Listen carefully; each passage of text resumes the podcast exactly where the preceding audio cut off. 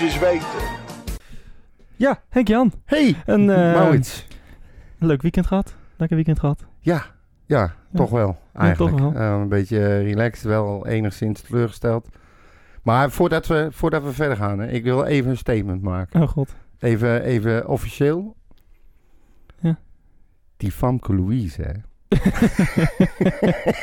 Die slim, hè? Zo. Ja. Nee, nee, nee. Nee, maar je, je had gelijk, Maurits. Nou, daar gaat het mij Ik, niet om. eh, nee, dat weet ik, dat weet ik. Maar daar heb je ook niet om gevraagd. Maar Nee. ik zat thuis te denken en ik heb eigenlijk... Ik denk, god, god, god, de eerstvolgende opname. Nou, daar gaat hij. Heeft die kutpuber het weer eh, bij het juiste eind. Oh. Ja. Ik, ik ken mijn club al, eh, al wat jaren. ja, ik ook, maar ik wil het niet eigenlijk.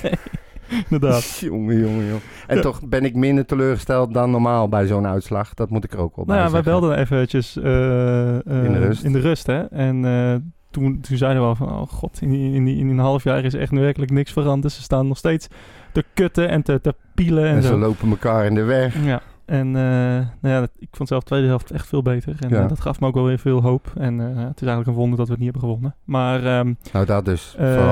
ja, het is toch, toch weer een soort van dompertje. Je begint toch net niet helemaal overtuigend. Nee. Met, de pers gaat weer schrijven van... Oh, is dit dan de aanval op de top 3? Ja, daar viel je dat nou ook weer op? Het is Tuurlijk. toch niet te geloven. Bij Ja.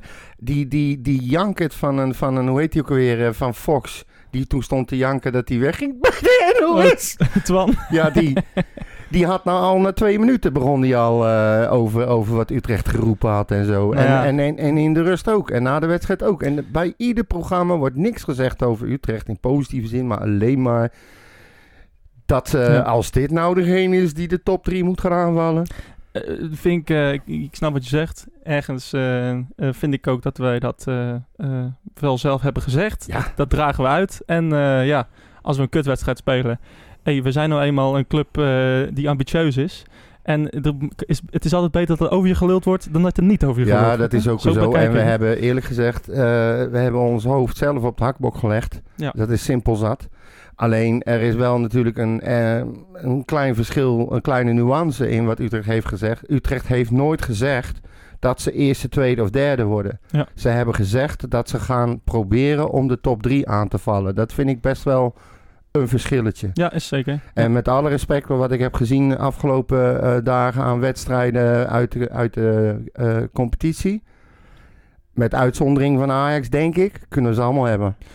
Ik, vond Op- het niet, op- niet, ik ben er niet kapot van. Op een goede dag kunnen we iedereen hebben. Ja. Maar op, een, Nou, eh, op, nou. op een mindere dag kan iedereen ons ook hebben. Ja. Maar dat is altijd al geweest. ja, oké, maar laat het dan maar eens een keer meezitten dit seizoen. We verdienen toch wel een break eh, met ons jubileumjaar, in ons jubileumjaar, toch? Dan laten we het hopen. Ja, In ieder geval eh, leuk dat je luistert. Eh, we zijn alweer eh, helemaal aan het Oh ja. vlammen.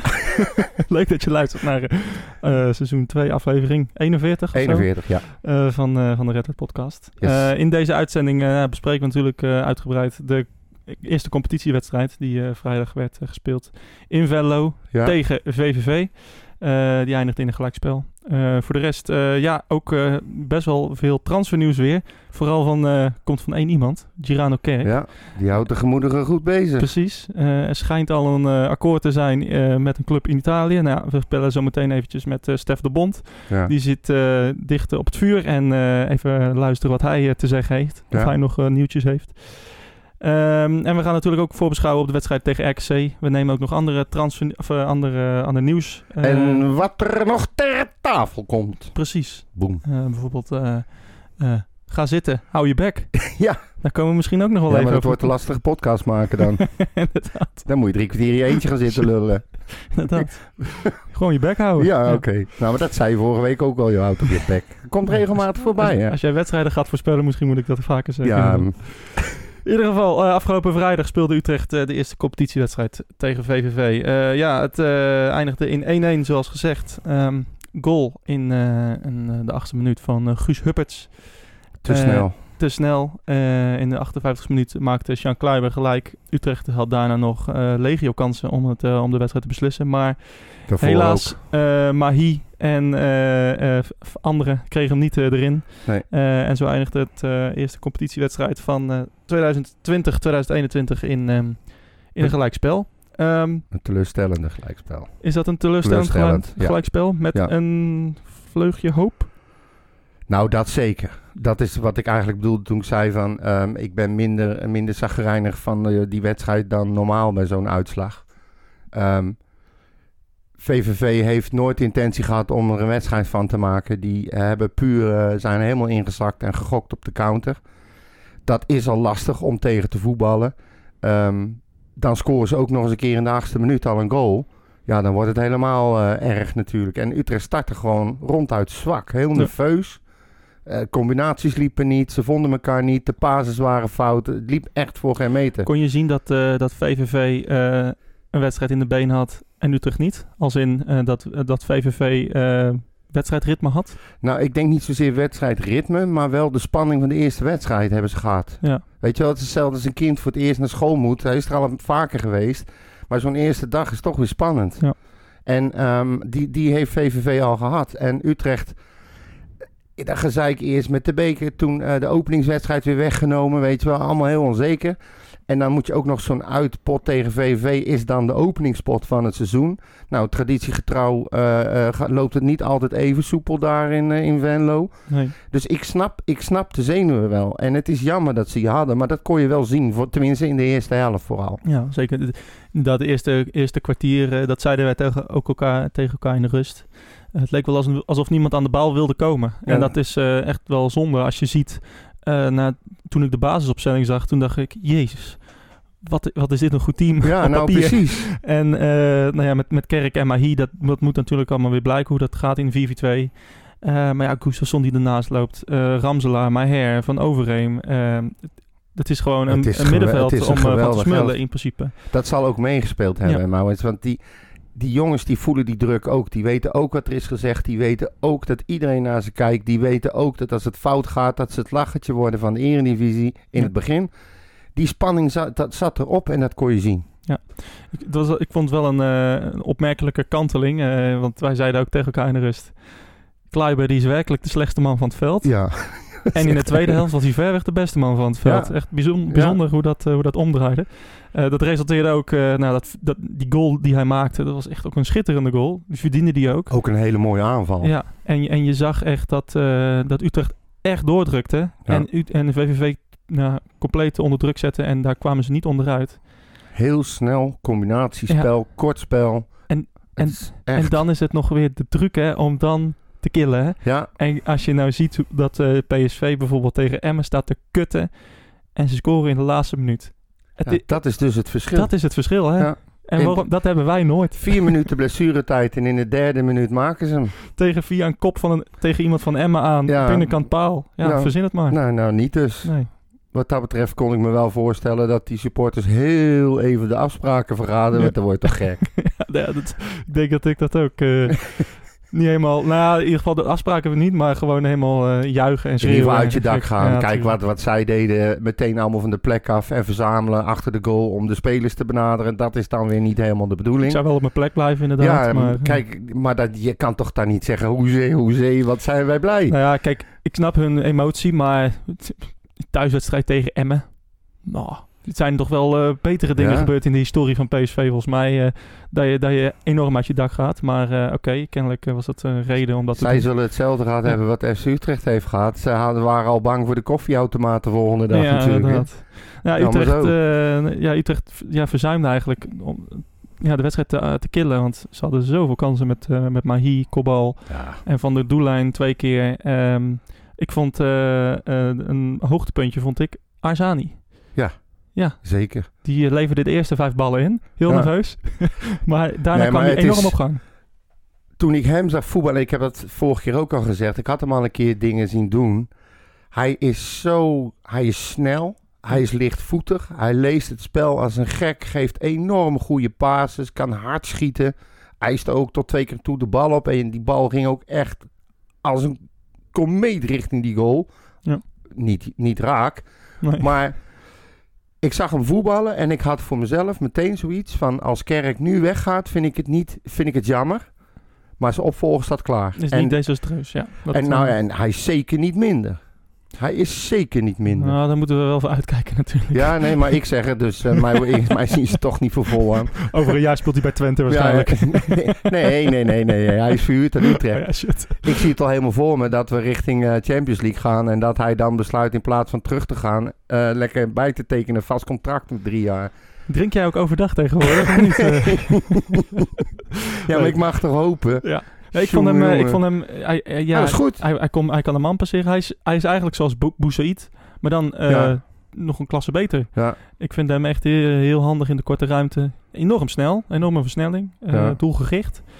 En, eh, het is niet Nou. te beroerd om een man op te zoeken. en eh, nou, als je het vergelijkt met de invalbeurt van Elia, oeh, ja, dat was niet om over naar huis te nee, schrijven. dat was echt niks. Nee, hè? Dat was, dat was gewoon slecht. Die, Die heb ik kwam- alleen maar zien zeiken. Die mist wat wedstrijdritme misschien nog. misschien moeten we daar ook niet te streng Ja, voor zijn. maar ja, goed, wat ik wel mooi vind aan hem om te zien... is dat hij tijdens het interview na de wedstrijd... hij was... waar hij normaal gesproken eh domme discussie zou aangaan met de reporter... en eh, om, over het verloop van de wedstrijd en wat er was gebeurd... eh, je kon zien dat hij gewoon echt pist was. Ja. Maar hij was pist dat ze daar die punten hadden laten liggen... en dat het beter moet en dat het anders moet. En dat soort jongens zijn wel fijn om in je team te hebben, Hij hoor. denkt wel in het teambelang heel erg na. Ja. Waar hij vroeger eigenlijk eh, vaak... Met eh, zichzelf bezig was. En dat is- was wel leuk om te zien. Ik vond dat interview best goed. Kijk, eh, hij, had een kwartier gespeeld. Hij was totaal niet wedstrijdfit eigenlijk. Nee. Dus hij, hoeft, hij kon er ook eigenlijk niet in komen en, en het meteen goed doen, zeg maar. Maar eh, En daarom was hij ook pist, denk ik. Dat zal ook meegespeeld Ja, nee, hebben. En dan gaan ze over zijn schoenen lopen te zeiken. ja, dat is ook weer makkelijk natuurlijk. Ja, En, nee, eh, maar ik bedoel, dan ben je reporter, dan moet je vragen stellen en dan begin je over zijn fucking schoenen, Ja. joh. Flikker toch op. Wat ik wel bij Elia zag, is... nou, hij, hij is enorm gretig. Maar dan, dan pakt hij ook meteen een gele kaart. Dan denk ik van, misschien is hij, is hij wel iets te, eh, iets te eager om, Ja. om, om het goed te doen. Maar ja, want, kijk naar, naar de rest van het team de eerste helft. ja, zeker. Maar hij, hij, was, een- hij was enorm gefrustreerd. Ja, maar ja, hij, hij komt erin aan het eind van de wedstrijd bij, een, bij zo'n stand. Ja. Die is, die is nog, nog, dat is nog een stapje erger als beginnen aan zo'n wedstrijd met de zenuwen in je lijf. Die weet ook dat iedereen naar hem kijkt. Nog meer dan naar de rest. Denk je dat, hij, dat hem dat raakt? Ja. Toch nou, wel? nou, niet zozeer raken, maar wel enorm motiveert en graag wil laten zien waarom hij daar speelt. Ja. En dat hij inderdaad de man is die eh, een team kan, aan de hand kan meenemen en zo. Dat denk ik. Ja, ik denk dat hij eh, iets meer de, de rust moet nemen, iets meer de schroom van zich af moet gooien. Ja. Laat het maar lekker gebeuren en, eh, en komt gewoon de eerste wel. keer een wedstrijd starten. Dat, ik, heb eh, zo, ik heb zoveel potentie gezien, Maurits, in dit team. Ja. Echt de tweede helft. En dat is echt waar waarom ik zoiets had van... Oké, we spelen 1-1. So be it. Even niet naar het resultaat kijken. Nee, nee, nee. Ik zag echt zo, zulke mooie, snelle, vlotte aanvallen. Maar ook in het centrum, eh, op de rand van de 16, met 10 man eromheen. Korte combinaties en het liep. Ze vonden elkaar. Gewoon fucking pech. Maar hier ook, weet je. Die, die groeide ook in de wedstrijd. Die kwam eigenlijk steeds dichterbij, een doelpunt. Ja. Als dit gaat lopen, echt, echt waar. Ik, ik, ik, eh, ik heb nu al medelijden met RKC zondag. oh god. ja, we doen straks wel een voorspelling, let maar op. Ja, Inderdaad. Jij gaat alvast eh ik, eh, vooruitlopen op ja, de zaken. maar natuurlijk. Ik, ja, nee, ik, ik, ben, ik, ik ben ook blij met, wat ik heb gezien. Als je het vergelijkt met eh eerste wedstrijden van een seizoen van voorgaande jaren, dan is dit al, al, al tien keer zo goed als wat we in de voorgaande seizoenen hebben gezien. Ehm, alleen dit moet natuurlijk eh, geen repeterend verhaal worden. Kijk, er gaan meerdere clubs zoals VVV eh, spelen eh, tegen Utrecht. Ehm, eh, als in, ze gaan zich ingraven. En als ze, als ze voorkomen, dan gaan ze zich nog meer ingraven. En, en vorig seizoen was eigenlijk ook al te zien dat Utrecht daar niet altijd mee om kon gaan. En dat is... ehm, Ja, maar dat gaat Dat nu moet dus geen het patroon verschil worden. Nee, maar dat zal dit jaar het verschil moeten zijn. Ja. Je hebt de spelers ervoor om je daar onderuit te voetballen. En natuurlijk gaan ploegen doen. Het is eigenlijk alleen maar een compliment aan FC Utrecht dat ze dat gaan doen. ja, maar we dachten dat vorig seizoen ook, hè, dat we dat Ja. team hadden. Maar ja, ik, ik, ik heb dan nog maar de stille of de ijdele hoop dat we inderdaad een stap gemaakt hebben. En dat we nu wel eh daaronderuit kunnen gaan voetballen. En je kan ook gewoon eh, zelf als eerste scoren. Hè? Dan, dan weten, zijn dat soort teams ook Dat is wel klaar. ja. En dat deden we vorig jaar ook niet. We liepen bij zoveel wedstrijden achter de feiten aan. Iedere keer weer kwam je op achterstand. Moest je weer gelijk maken en de winnende maken. Zal ik John even bellen? Gewoon volgende keer zelf de eerste, eerste goal Ja, maken. dat hebben we vorig jaar al geprobeerd, weet je. Maar hij heeft ons geblokkeerd helaas. dat lukte niet. Hij neemt niet meer op. Wat, uh, wat is jouw gevoel dus achteraf na, zo, na deze wedstrijd? Ja, toch wel positief. Het is gewoon ontzettend jammer dat je uh, twee punten hebt laten liggen. Ja. Maar ja, um, RKC, here we come. Stef de Bond uh, hangt inmiddels aan de lijn. Uh, Stef, wat, uh, wat was jouw gevoel na VVV uit afgelopen vrijdag? Hoi Stef. Mijn gevoel wat achterbleef was vooral ja, zonder dat je daar niet drie punten pakt als Utrecht zijn. Want ja, je bent voor mijn gevoel de tweede helft, maar ook in de eerste helft al zoveel beter dan VVV. Je loopt een kwartiertje, ja, uh, loopt een beetje te klooien, zullen we maar zeggen. Iets te veel spanning. Dat zei John van Hond later ook, dat misschien alles van die voorbije weken wilden ze het er in één keer uitpersen. Nou, daar uh, ging het nodige fout. Maar uiteindelijk als je daar met 1-3 of 1-4 wint, is er volgens mij niemand die, daar, die dat gek vindt. Nee. Is het dan toch weer, toch weer Utrecht dat het, dat het weer niet lukt? Of vind je dat te makkelijk na één wedstrijd? Ja, ik moet in één wedstrijd nog niet zeggen. Ik, ik, vond, dit, uh, ja, ik, vond, dit, ik vond het pech. Ik sprak uh, meerdere collega's en die hadden, die hadden hetzelfde gezien. Uh, je bent één wedstrijdje onderweg. Het elftal moet nog voor elkaar. Heel lang geen wedstrijden gespeeld. Nou, het zegt niet veel, maar VV had in ieder geval één serieuze wedstrijd meer gespeeld. Um, als we na vijf, zes wedstrijden het weer zeggen, ik zeg dat je, als je niet wint van RKC Waalwijk uh, thuis, dan kunnen we zeggen dat is weer typisch Utrecht. Maar ik, het is mij nog te vroeg. Heb je naar de eerste vijf minuten van de podcast zitten luisteren of zo? Alsof ik mezelf hoor praten. ja, jullie hebben er verstand van. Ja, dat blijkt wel, ja. Maar, uh, maar, dat vond ik dus ook. Je moet, nou, je moet nou RKC gewoon even bij RKC laten zien dat je wel degelijk stappen gemaakt hebt nu, nu weer zo'n zaadpartij tegen RKC thuis, dat is geen optie. Wat mij betreft. Nou ja, nogmaals, het is natuurlijk een hele rare periode waarin heel lang niet gevoetbald is. Waarin uh, dan de selectie is wat veranderd. Dat jongens erbij gekomen, jongens die nog fit moeten worden, die nog geen 9 minuten kunnen spelen. Maar voor, voor het gevoel hè, is het gewoon heel belangrijk dat je tegen RKC gewoon wint. Kijk, het veldspel was bij Vlagen al best wel goed, ik, tegen VVV. Dat is best knap voor een eerste wedstrijd van het seizoen. Alleen ja, je wilt de buitenwacht een klein beetje tegen naar de, naar de uitspraken die gedaan zijn over de topaanvallen.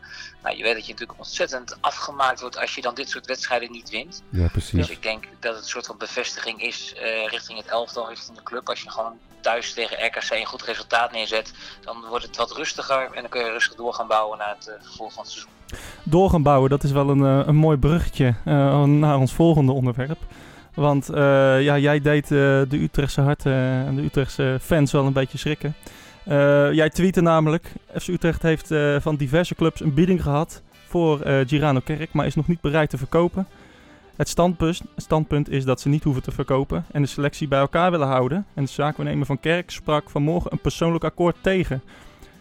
ja, hoe is de stand van zaken, Stef? Ja, we moeten bij dit soort dingen, zeker in deze periode, heel duidelijk de tijd erbij benoemen. Wanneer het moment waarop het gebeurd is. Dit was op de dinsdag, zeg ik even uit mijn hoofd. Ja. Uh, dinsdagochtend meldden collega's van Telegraaf uh, vanuit de Italiaanse media dat er een persoonlijk akkoord was tussen Kerk en Cagliari. Uh, nou, wat wij dan doen, dan bel je even met de zakennemer van Kerk en dan ga je bij Utrecht bellen en wat mensen rondom de club. Nou, de zakennemer van Kerk zei mij direct dat het, dat het geen, geen sprake was van een persoonlijk akkoord. Het standpunt van Utrecht kennen we inmiddels. We hoeven niet te verkopen, financiële middelen goed op orde. Willen kerken graag bijhouden, maar er is ook een afspraak met die jongen van ja, als jouw eh, droomtransfer voorbij komt en wij krijgen het bedrag wat we voor ogen hebben, ja, dan zullen we je niet tegenhouden. Jongen van de club, veel gebracht voor Utrecht, zeker afgelopen seizoen ook. Uh, dus uh, nou, gisteren was daar nog geen sprake van. Vandaar spreken we elkaar van nu op de woensdag. Uh, en ik heb geen signalen ontvangen op dit moment dat het anders is dan gisteren. Maar mijn ervaring leert wel, tien jaar bij Voetbal International inmiddels, dat als dit soort berichten naar buiten komen, dit soort geluiden gaan, ja, dat het ook heel snel kan gebeuren, zo'n transfer. Ja, e-, even buiten het akkoord en buiten de geruchten om. ja, Cagliari, als ik aan Cagliari denk en als ik Cagliari opzoek, dan zie ik voornamelijk ja, racistische fans, racistische directieleden. Um, los van of hij een akkoord heeft of dat, dat er geruchten zijn dat hij daar naartoe zou gaan. Dit is toch helemaal geen club voor Girano Kerk? nou ja, dat, dat, is, dat is volledig aan Girano Kerk als ik eerlijk ben. Dat, dat, moet hij zelf aanvoelen. Hij moet zelf gesprekken voeren met een club met een clubleiding. Uh, en zijn zaakwaarnemer moet dat doen. Misschien zelfs wel zijn familie. Dan moet hij gevoel bij krijgen. Ik, ik, kijk meer altijd naar uh, hoe een elftal wil voetballen en hoe Kerk daarin gebruikt wordt. Of dat een ploeg is die nou, misschien wat meer countervoetbal speelt, wat meer ruimte, waar die natuurlijk ontzettend gevaarlijk is. Dat het een elftal is wat, wat meer op wel van de tegenstander speelt. daarin zou ik meer kijken. Het is natuurlijk wel een jongen die op een bepaalde leeftijd gekomen is, dat hij het stapje wel wil maken. Naar Nederland gaat hij die stap niet maken.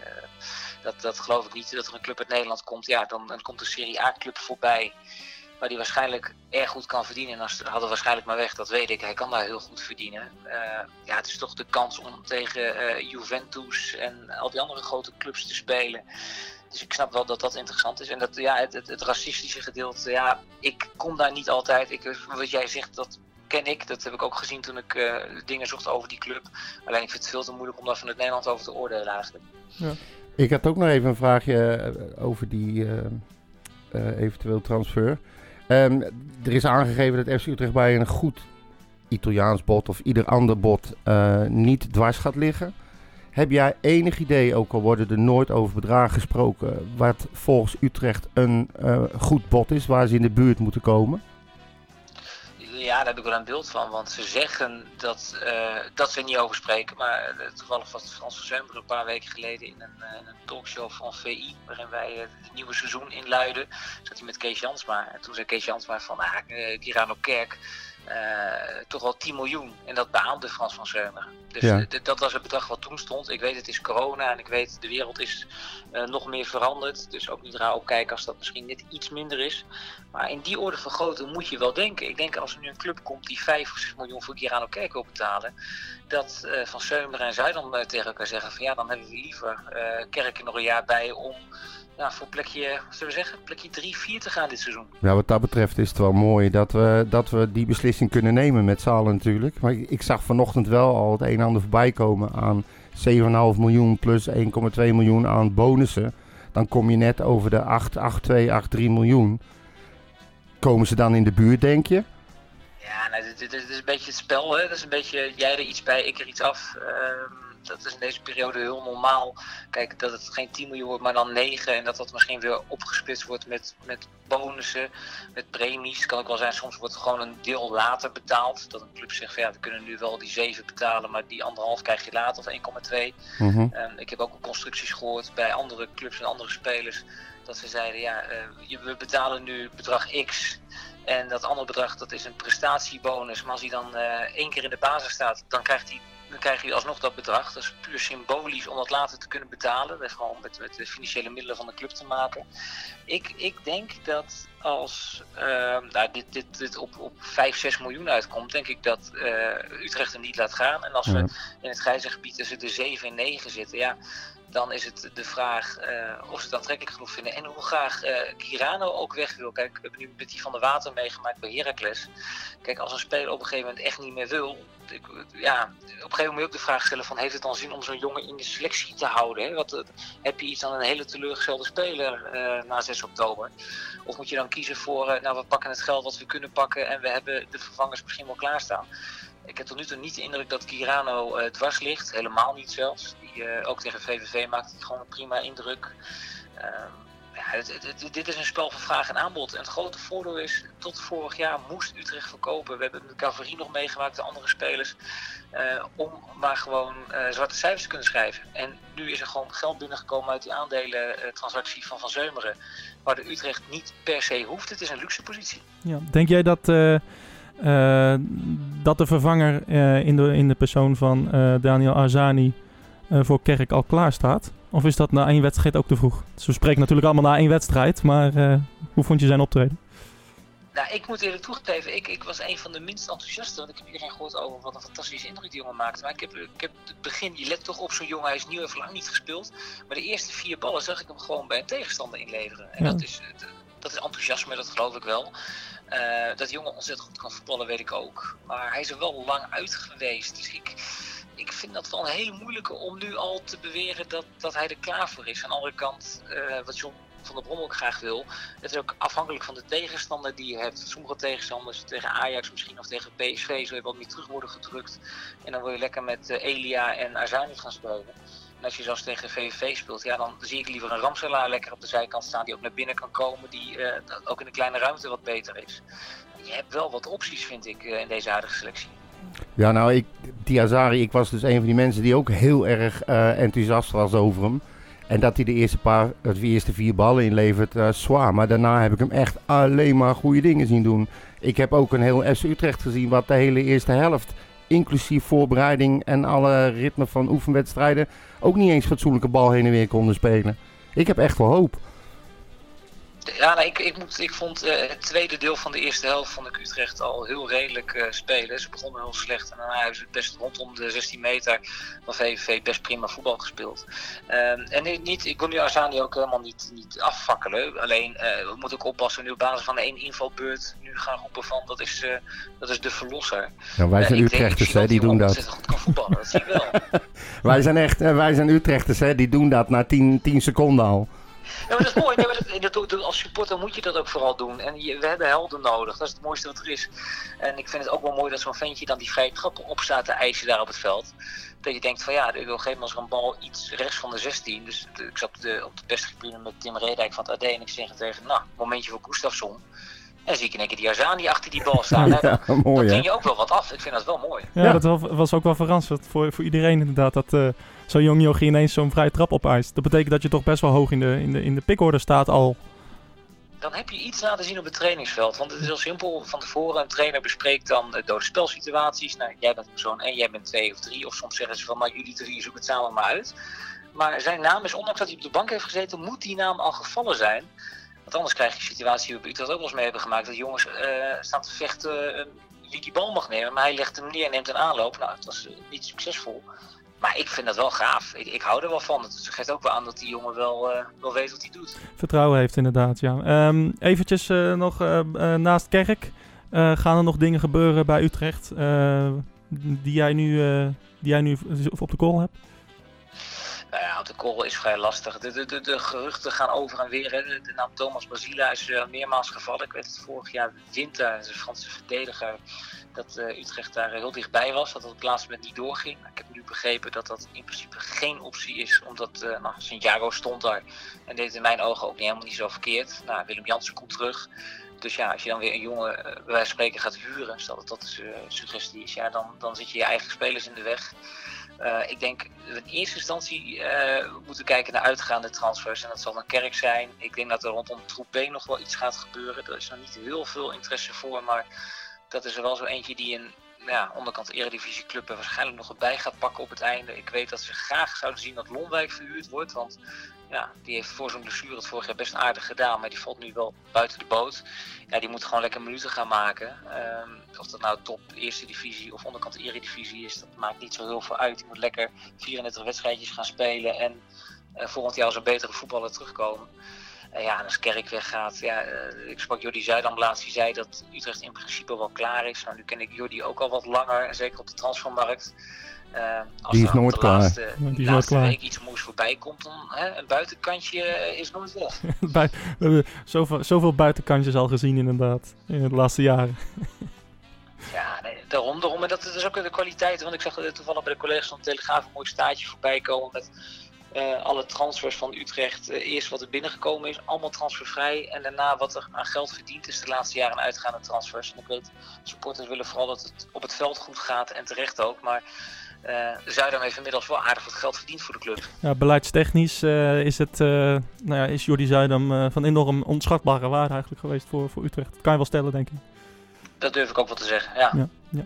Stef de Bond, thanks dat we even mochten bellen. En nou, we spreken je vast snel weer. Succes tegen RKC. Ja, dankjewel Stef. Groetjes. Hoi. Yes, hoi. Ja, Stef de Bond was dat um, ja. uh, aan de lijn. Niks over Kleiber dus.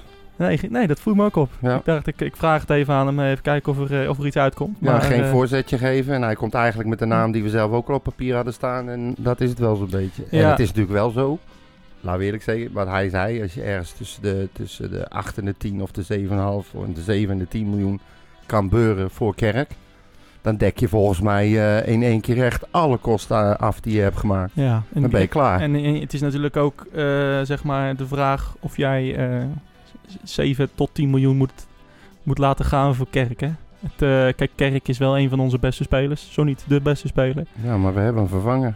Misschien inderdaad hebben we een vervanger. Laten we daar nog niet door voor de, te veel vooruit te lopen. Maar, het, het, het, ik, ik vind het lastig om, om zo'n aanbieding te laten lopen voor ehm, ja, toch Girano Kerk, die toch al jaren heeft laten zien dat hij het wel kan, maar ook dat hij niet altijd constant is. Nou, dat, dat ben ik dus met je eens. Alleen we leven in zo'n gekke tijd en ondanks corona wordt in Engeland, Italië, Frankrijk, Duitsland. Er, worden, er is geen enkele transfer onder de 10 miljoen. En, er wordt, en als je dan ziet wat ze voor die gozer van PSV eh, betalen en voor die jongen van, van Herenveen. Dan denk ik van ja, dan moet je voor, voor Kerk gewoon niet onder de 10 laten gaan. Nee. En ik weet ook zeker dat we in een wereld leven waarin ze voor een skippiebal al meer dan 10 miljoen betalen. ja, dan moet je dat voor Kerk toch zeker ook krijgen, lijkt mij hoor. Ja, nou ik, ik denk... Uh, ik, maar ik snap wat je zegt hoor, dat wel. Ja, we moeten wel reëel blijven. Kijk, ja. ik, uh, ik, ik, ik, ik, snap wat je zegt en ik vind... Uh, Kerk ja, is ook echt van grote waarde voor Utrecht. Um, persoonlijk vind ik die uh, uh, Ejuke. Van ja. Heerenveen. Ja, die vond ik echt nog een klasse beter, klasse beter dan Kerk. En, ja, die uh, ging voor 12? 12 miljoen ja, naar nou Rusland. dat bedoel ik. Um, ook zo'n land. Ja, inderdaad, ook zo'n land waarvan je denkt, nou, daar wil ik als donkere jongen niet, uh, niet, niet spelen. Maar uh, er zal vast uh, goede, goede ja. financiële Ja, nou, dat bedoel ik. Het is eigenlijk hetzelfde verhaal als met Kerk naar Cagliari. Ja. Um, over uh, Kleiber uh, is misschien wel interessant even naar hem te luisteren. Want uh, na de wedstrijd tegen Venlo, tegen VVV, stond hij voor de camera van, van FC Utrecht. ja, de, eigenlijk dus de, de, man van de goal. En, en die het ook heel goed deed in de tweede helft. Ja. laten we even luisteren wat, naar wat hij te zeggen had na die wedstrijd. Sean, tuurlijk, het zijn twee verliespunten vandaag, maar ik wil het even omdraaien. Wat zegt het dat jullie in deze beginfase van de competitie voor jullie al tot dit in staat zijn vandaag? Ja, ik denk dat wij gewoon teleurgesteld zijn dat wij niet die drie punten hebben meegenomen. Maar ik heb de tweede helft zeker heel veel goede dingen gezien. We hebben natuurlijk heel veel trainingsuren. En um, ja, dat zag je misschien ook wel de eerste helft. was meer een trainingspartij dan een echte competitiepartij. En um, ja, daar zijn we nu wel uit, denk ik. De tweede helft uh, ja, klapten we bovenop. Um, telkens de druk naar voren. We hielden telkens uh, druk op hun goal. Met veel uh, kansen, denk ik. Voorzetten en uiteindelijk ook de goal. En um, ja, zeker na die goal moet je doordrukken, omdat dan hun kopjes naar beneden gaan. En dat is misschien dan juist het moment om door te pakken. En dat hebben we ja, jammer genoeg een beetje nagelaten. Ja, VVV Venlo speelde vandaag hè, best wel fel, kunnen we stellen. Hè? Ze zochten af en toe wel een beetje uh, de grens op. Hoe moeilijk is het om dan het kopje erbij te houden en geen gekke dingen te doen? Oh, niet. Um, ik denk dat wij dat gewoon goed hebben gedaan. Um, ja, je weet van een paar gasten bij hun dat ze gewoon heel fel spelen. Maar ja, dat kunnen wij ook. Um, maar ja, wij doen dat uh, liever ver op de bal. En dat hebben we ook denk ik laten zien. Um, geen rare overtredingen bij ons. we stonden in de restverdediging heel goed. Ja. Ja, het, het feit dat je uiteindelijk hè, niet die, die winnende weet te maken, wat jullie o zo verdienden deze wedstrijd. wat is dat? Is er iets ongrijpbaars? Nou, ik denk het niet. Het is misschien, wat jij zei natuurlijk, uh, met de nieuwe samenstelling, misschien een beetje een fine-tuning. Um, ja, en als dat beter gaat lopen, ja, dan ga je makkelijke goals scoren. En ja, het is, het is eigenlijk een beetje uh, ja, ongelukkig hoe, hoe, dat we gewoon niet scoren hier. Dat we, dat we niet na die 1-1 dat we, dat we doorpakken. Terwijl dat wel, uh, we hebben het wel de ballen, we hebben voorzetten gegeven, kansen gecreëerd. En dat hebben we een beetje nagelaten. Ja, we hebben het wel eens samen over jouw eh, afstandsschoten gehad, hè? Maar jij kan ook prima in de kleine ruimte spelen, hebben we vandaag gezien. ja, ja, het was een combinatie. En ik kreeg hem volgens mij van uh, Mimoen. En ja, was wel lekker, denk ik. Het was zo'n klein uh, persoonlijk dingetje, zo'n uh, zo'n plusje die je vandaag achter de wedstrijd kan zetten. Nee, precies. Ja, die kan, je, ja, die kan ik weer meenemen. En dat is natuurlijk positief voor mij. En, maar ik denk dat het gewoon een hele goede team was. Um, ruimtes voor elkaar creëren, doorbewegen. Eh, heerlijke, heerlijke uh, voor assist, denk ik. En ja, daarna een goede bal van Mimoen. En daar trainen we op. En dat is eigenlijk niks, niks nieuws voor ons. Hey, en nu nog een, uh, een weekje wachten en dan gaat het weer beginnen in, uh, in jouw stadion Galgenwaard. Precies. Um, ik denk dat bij ons iedereen daar heel erg um, gretig op is. En ja, wij kunnen niet wachten. En ik hoop um, de mensen die er zijn dat uh, ook niet. En ja, we zullen ze groeten. Ja, dat was Sean Kleiper voor de camera van Utrecht. Ja, het was wel, ik vond het wel een interessante quote. Um, Hij vond dat uh, de jongens van VVV niet helemaal fair waren. Ik vond het wel meeval eigenlijk. Ja, ik heb niks gaars gezien. Wat, wat doen ze nou raar? Ja, ja, ik weet niet. Ik vond het wel mooi eigenlijk ook om te zien. Ja, ja maar hoe, tegen Utrecht. Maar... hoe moeten die gasten anders voetballen dan? Ja, dat lijkt me ook. je, je, je, je, je probeert toch met alles wat je hebt, uh, uh, ook met spelletjes en kleine overtredingjes en irritaties en voetballend, probeer je toch het maximale uit zo'n wedstrijd te halen. Nou, dat hebben ze gedaan. Ja. Ik heb ook um, uh, niet één speler van, of een coach of wie dan ook van VVV gehoord van... hoe heet het? Dat ze meer verdiend hadden of zo. Ze waren allemaal blij dat ze een punt hadden. Precies. En het publiek ook. Maar dat, voelde, dat voelde je ook aan. Het was, dat was dat, dat, ja, Utrecht was gewoon zo bovenliggend. Ja, dat was wel duidelijk. Zelfs op tv uh, werd, werden ze niet op hun spel in ieder geval niet aangekeken. Ik wil nog even, ik, ik weet nog die uh, op een gegeven moment in de eind de eerste helft, en dan, daarna houden we echt mee op, uh, was er een overtreding op dan volgens mij van, van Krooi. En toen gaf hij die kale badmuts, die ik over, overigens best prima vond fluiten. Um, die gaf geen gele kaart. Nee. toen ik was weer ook bij mij was het voetbal weer terug. Ik was weer helemaal in mijn element. Je weet hoe ik ben hè, bij een voetbalwedstrijd. ja, ja, ja, dus ik zit lekker voor de buis uh, met twee vrienden. En um, uh, lekker een biertje te drinken. En ik word helemaal gek. Want waarom kan je nou geen geel geven? Ging je ook meteen met je voet op de tafel staan? Trapte vol mijn bier om. Lekker in het tapijt. Ik zie het zo voor me, hè. Ik zie het zo voor me. Twee vuisten in de lucht, voet op de tafel, bier ondersteboven. Godverdomme. Net rust, één ja. Hey, maar dat je moeder niet thuis was. was een, zo. was een mooi moment, inderdaad. Ja, um, ja we houden er even op. Uh, ander, ander nieuws uh, over uh, FC Utrecht. Um, ja, de Bunnik-site, die kwamen vandaag paar uur geleden met een statement. De Utrecht Ultras 19. Ja. Uh, ja, bij die jongens zit het heel diep, kopt de titel. Um, daar wij, uh, ik zal even een stukje ja, dat, voorlezen. dat is een quote trouwens van uh, Teun, hè? Ja, precies. In reactie op dit verhaal. Ja. Uh, daar wij van onze premier onze bek moeten houden en de FC Utrecht supporters met een seizoenskaart in twee groepen, groepen zijn ingedeeld, is voor ons de lol eraf. Zolang wij niet op onze manier de club aan kunnen moedigen en het spelletje niet op onze manier kunnen beleven, zullen wij als groep van de Bunnickside elders kijken. De Bunnickside is een roemruchte tribune waar elk individu zijn eigen keuze maakt in wat deze wel en niet wil doen. Uh, de groep maken wij, uh, als groep maken wij echter wel bepaalde keuzes. We zullen de spelersgroep op onze manier laten weten dat we er altijd voor ze zullen zijn. En dat we, ook in deze tijden, als Utrecht Ultras, altijd zij aan zij achter de club zullen blijven staan. Ja, wat vind je van dat uh, verhaal? Nou, toen ik het in eerste instantie hoorde, had ik zoiets van, ja, wat slaat dit op zeg? Laat jij even lekker je club in de steek. Ja. Je krijgt de kans om naar een wedstrijd te gaan kijken. En dan besluit je om niet te gaan, omdat je zo nodig moet schreeuwen en drinken en met elkaar uh, op een vierkant, met honderd man op een vierkante meter wil zijn. Ja. Dat vond ik belachelijk. Al helemaal omdat ik weet dat er heel veel mensen zijn die heel graag willen gaan, maar niet mogen. Ja. Nu hebben ze duidelijk gemaakt dat ze uh, hun kaarten, hun plekken beschikbaar stellen aan iedereen die wel was. En dan heb ik zoiets van, ja, nou ja, dan vind ik het prima. Ja. Als zij liever uh, bij elkaar willen zitten en elkaar helemaal de moeder willen besmetten, ga je goddelijke gang. Ja. Maar in dit geval mogen er dan mensen waarschijnlijk op hun plekje gaan staan of zitten. Ja. En dan uh, blijft het stadion tot de max van de toegestaande capaciteit gevuld. Ja, en dan vind ik het prima. Ja. Het is een beetje wat Ajax over heeft gedaan, alleen op een nettere manier. Want bij die neuzen hebben ze weer een, een wall of shame uh, gemaakt. Nou, dat soort waanzin. Hoe verzinnen ze het? Ja. En bij Utrecht zijn het gewoon Utrechtse jongens die hun wedstrijd op hun manier willen beleven. En dat kunnen ze niet. En dus gaan ze niet. Nee. Het uh, was inderdaad nogal... Uh, uh, ja, ik dacht ook van, nou, het heeft twee kanten inderdaad. die jongens willen met elkaar kijken, snap ik. Um, maar ja, de club kan hier, kan hier ook niet echt de schuld van geven. Kijk, uh, nee, het is, het is toch logisch dat als je met zo'n grote groep bent, dat één rood is en er één, één wit. Uh, dat is lastig. De club heeft naar omstandigheden alles gedaan. Eh, de manier waarop ze het gedaan hebben, kan je over discussiëren. Dat hebben we vorige ja. week al gedaan.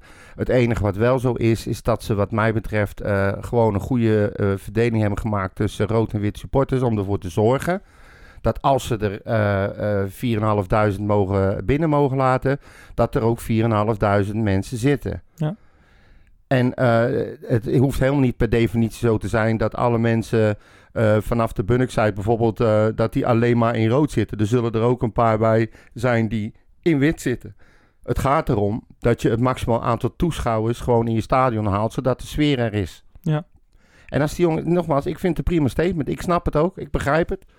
Ik begreep het alleen niet toen ik de indruk kreeg dat ze hun kaartjes niet afstonden. Nee, dat, uh, dat zou dat, dat had ik echt, echt uh, niet goed gevonden.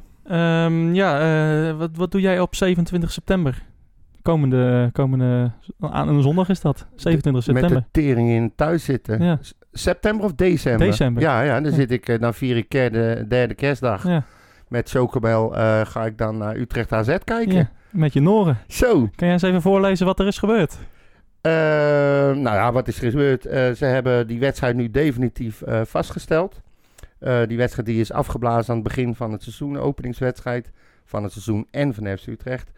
En die hebben ze nu in overleg met beide clubs, hebben ze die verschoven en vastgesteld op zondag 27 december om half drie.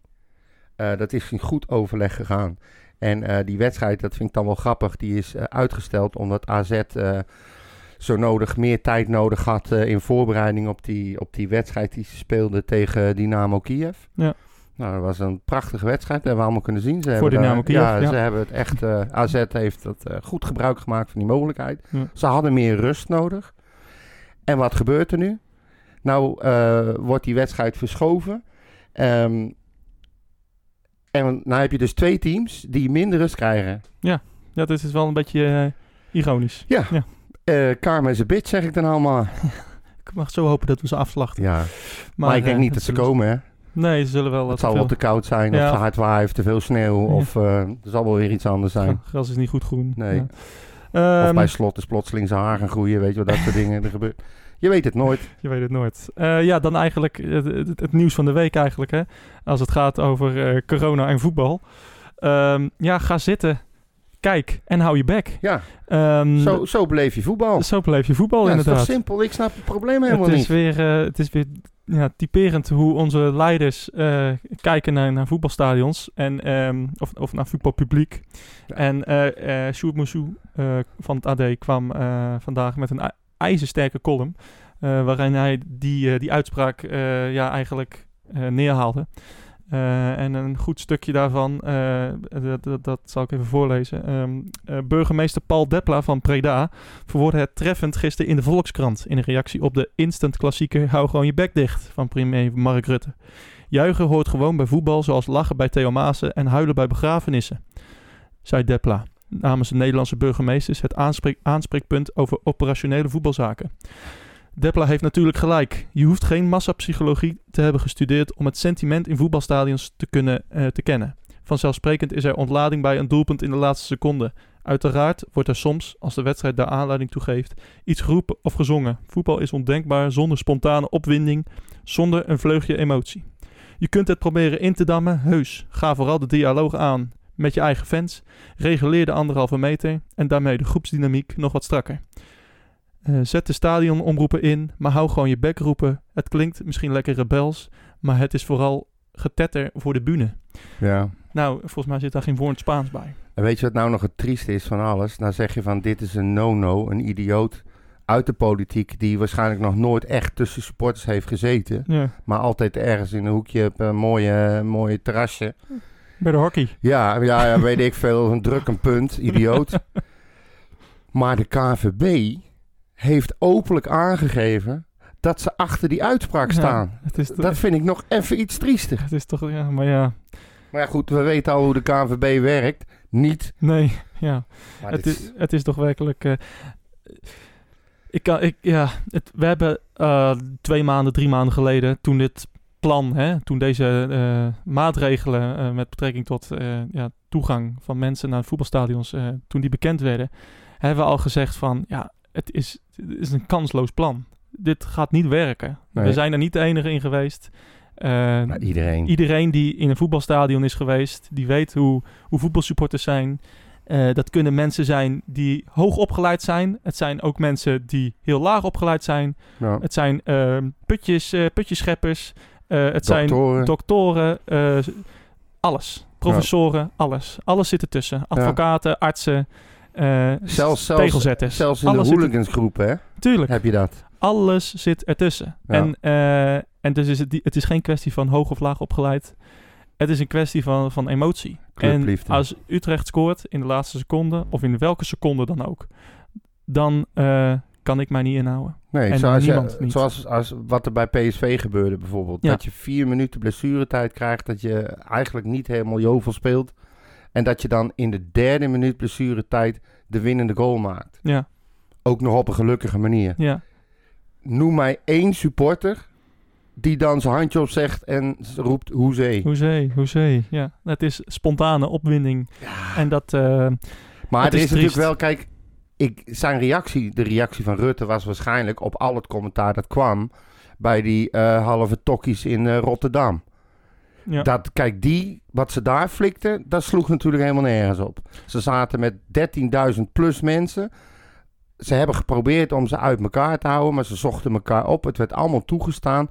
Stadionspeaker zei werkelijk niets. Nee. Liet het allemaal gaan. Ze waren de hele wedstrijd door aan het juichen en aan het zingen en aan het schreeuwen. Niet alleen bij een goal. Nee. Al hadden ze daar weinig de kans voor bij Feyenoord om te juichen bij een goal. Ja. Daar reageerde die op. Maar dan, daarmee scheer je dus alles over één kam. Precies. En er zijn zoveel clubs, zo niet bijna alle clubs, die er alles aan gedaan hebben om het op een fatsoenlijke manier te regelen. Ja, absoluut. En Elke die, club. die zet je nu gewoon voor lul. Die zet je allemaal voor lul, inderdaad. Uh, wat, wat, wat uh, ook schrijft, uh, het heeft alle schijn van dat bovenal Feyenoord zijn zaakjes niet op orde had zondagmiddag. Waar in andere stadions iedereen vrijwel perfect op zijn toegewezen plekken ging zitten, gebeurde dat in delen van de Kuip duidelijk minder. In het bijzonder op de onderste rijen.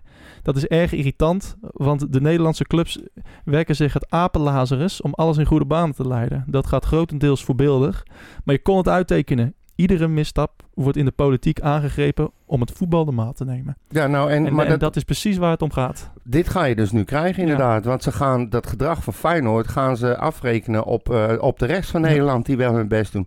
En weet je wat ik nou nog het ergste vind? In plaats dat Feyenoord excuus aanbiedt eh, en zegt van sorry, we hebben het niet goed gedaan. Wat doen die idioten? Die gaan een onderzoek starten en apps uitdelen en noem maar op. Om nog meer mensen toe te laten in het stadion. Ja. Dus in plaats van, van toe te geven dat ze het niet goed doen, te accepteren dat dit niet de manier is, gaan ze het tegenovergestelde doen. Het is echt waar, wat dat betreft, passen ze allemaal wel daar in die kuip, hoor, die halve... mm, Dat is ook wel mooi wat, wat Ah. bij, ik heb je, eh, hoe heet die, eh, Abu Taleb zat bij, eh, bij Jinek eh gisteren. ja, die heb Dus- en gezien. toen vroeg Jinek ook van, eh, ja, gaan 25 stewards het, eh, het verschil maken? Nee, Nee, zegt hij. nee.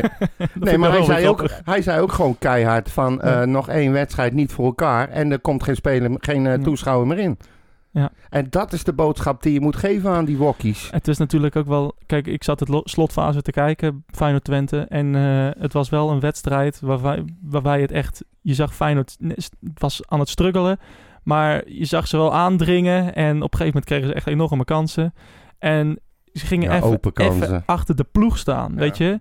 Eh, je weet hoe dat in de Kuip gaat. Het gebeurt niet heel vaak. Maar eh Nee, maar dat keer snap per ik. wedstrijd. En even, en even het clublied zingen. Ja, En, en dat maar is te laat het, snappen. laat het daar dan bij. Maar zij begonnen vanaf minuut één. ja. Ik snap dat je in die laatste minuut, want ze, ze misten kans op kans, echt open kansen. Ik zou een supporter helemaal gek worden. En al helemaal tegen Twente. Ja. En dat je dan emotioneel wordt even, is niet erg. Maar niet vanaf minuut één op elkaar kruipen, inteelt en dan gaan geschreeuwen. En, en echt, ik, ik heb me daar zo aan zitten ergeren. Nou ja, voor, voor mij wat Sjoerd zegt is van ja, elke misstap wordt eh, het voetbal aangerekend. Kijk, eh, je kan alle, alle volwassenen, eh, heel veel volwassenen gaan naar stranden, organiseren feestjes, eh, gaan bij elkaar in de buurt zitten, eh, Ja. hou het niet nou met anderhalve meter. Nee. En als het bij het voetbal gebeurt, dan is het een nationale rel. Ja. Dat is een beetje wat, hij, wat zijn Sterker woorden nog, ik zie het al helemaal gebeuren dat straks al die idioten die zich nergens aan houden met hun feestjes in de tuin en noem het allemaal maar op, dat daardoor nu eh, zeg maar zoveel besmettingen komen en gesodemieten komen, dat de eerste, eerste grote stap die ze gaan nemen is geen supporters meer in de stadions. Let maar op. Ik mag, ik mag zondag niet eh, naar Utrecht RKC. En ik, ik vrees dat Utrecht Heerenveen Ja, te nou, laat komt. Ik mag, ik mag wel en ik vraag me af of we überhaupt nog mogen. ja, dat, zullen we, dat zal nog wel lukken misschien. nou, het, is, het gaat hard, Maurits, gaat hoor. hard, ja, het gaat hard. En je moet het als, je, als eh, burgemeester maar aandurven om te zeggen, nou, laat maar aan. Ja, nou ja, we zullen zien. Uh, Moeten we over die wedstrijd nog even voorbeschouwen? Het lijkt me wel, hè? Dat hier is al over uh, ja, maar vier ja, dagen. Er is, er, wat, wat moeten we voorbeschouwen? Er is nog zo weinig bekend.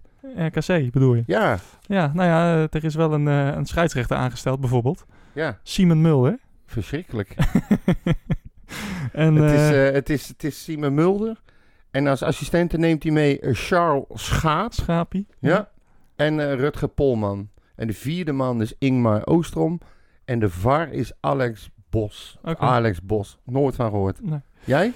Het, uh, ik ook niet. Maar, uh, dat, dat, en dat, dat, doet de VAR, hè? Ja, dat doet de VAR bij ons. Hopelijk hebben we die niet nodig. Um, RKC, ja. Heb je de vorige wedstrijd gezien? Ze, ze, hebben tegen, tegen Vitesse gespeeld, verloren thuis. Ja. En tegen Ajax, nou ja, dat was eigenlijk geen wedstrijd. Kansloos. Um, maar volgens, volgens hoe heet die, de coach van de RKC... Um, Grim? Ja. Zag hij toch wel aanknopingspunten en hebben ze het helemaal niet goed gedaan. En dat had hij ze ook gezegd uh, in de kleedkamer. Ja. Hij, was, hij keek erbij alsof hij zelf verbaasd was dat hij die woorden uitsprak. Zijn ogen helemaal open.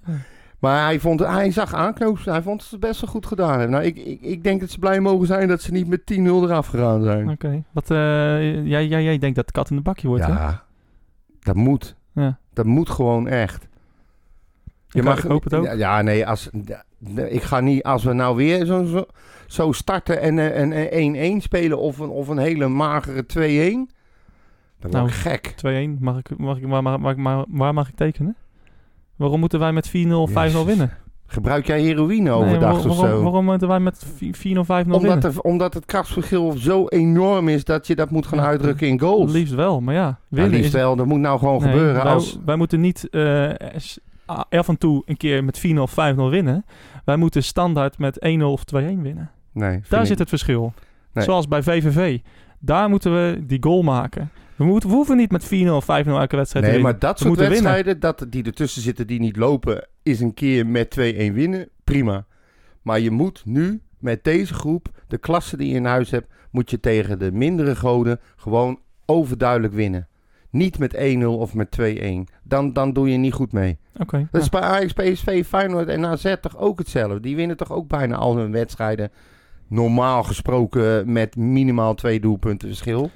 Ja. Dat wil ik bij Utrecht ook zien. Graag. Maar laten we eerst maar twee of drie wedstrijden achter elkaar winnen. Jij hebt helemaal even staan van man, hou je bek. Inderdaad. Net zoals de eerste wedstrijd, hè? Ja, ja, ja. ja dus. Uh, voor de rest nog uh, dingen die, uh, die je even eruit wil halen? Misschien um, bijzondere spelers van RKC? Of, nee, nee, nee, nee, nee. Heb je nog herinneringen aan RKC thuis? Waarvan je denkt van, nou, die wil Volgens ik toch even ben delen. Ik, ben ik daar geweest? Volgens mij niet, toch? Vorig jaar RKC thuis? Kijken of wel. 1-2? Nee, 0-1, sorry. Ik weet niet meer. Ja. Ik weet echt niet meer. Nee, ik was nou, maakt niet uit. Dan heb ik er ook geen goede herinnering nee. aan. Anders had ik het wel geweten. Utrecht, Utrecht RKC, een vrije trap van Rodney Snijder in 2011. Kan je bijvoorbeeld, zeg je bijvoorbeeld ja, niks? die wel. Ja? Dat was een hele mooie. eind 2010 volgens mij was het. Wat een streep was dat, ja. 2011, ja. Nee, dat was een, uh, was een mooie vrije trap. Um, ik kan er ja, nog een keertje dat we met 5-0 voor stonden. Met uh, Peter Koptev.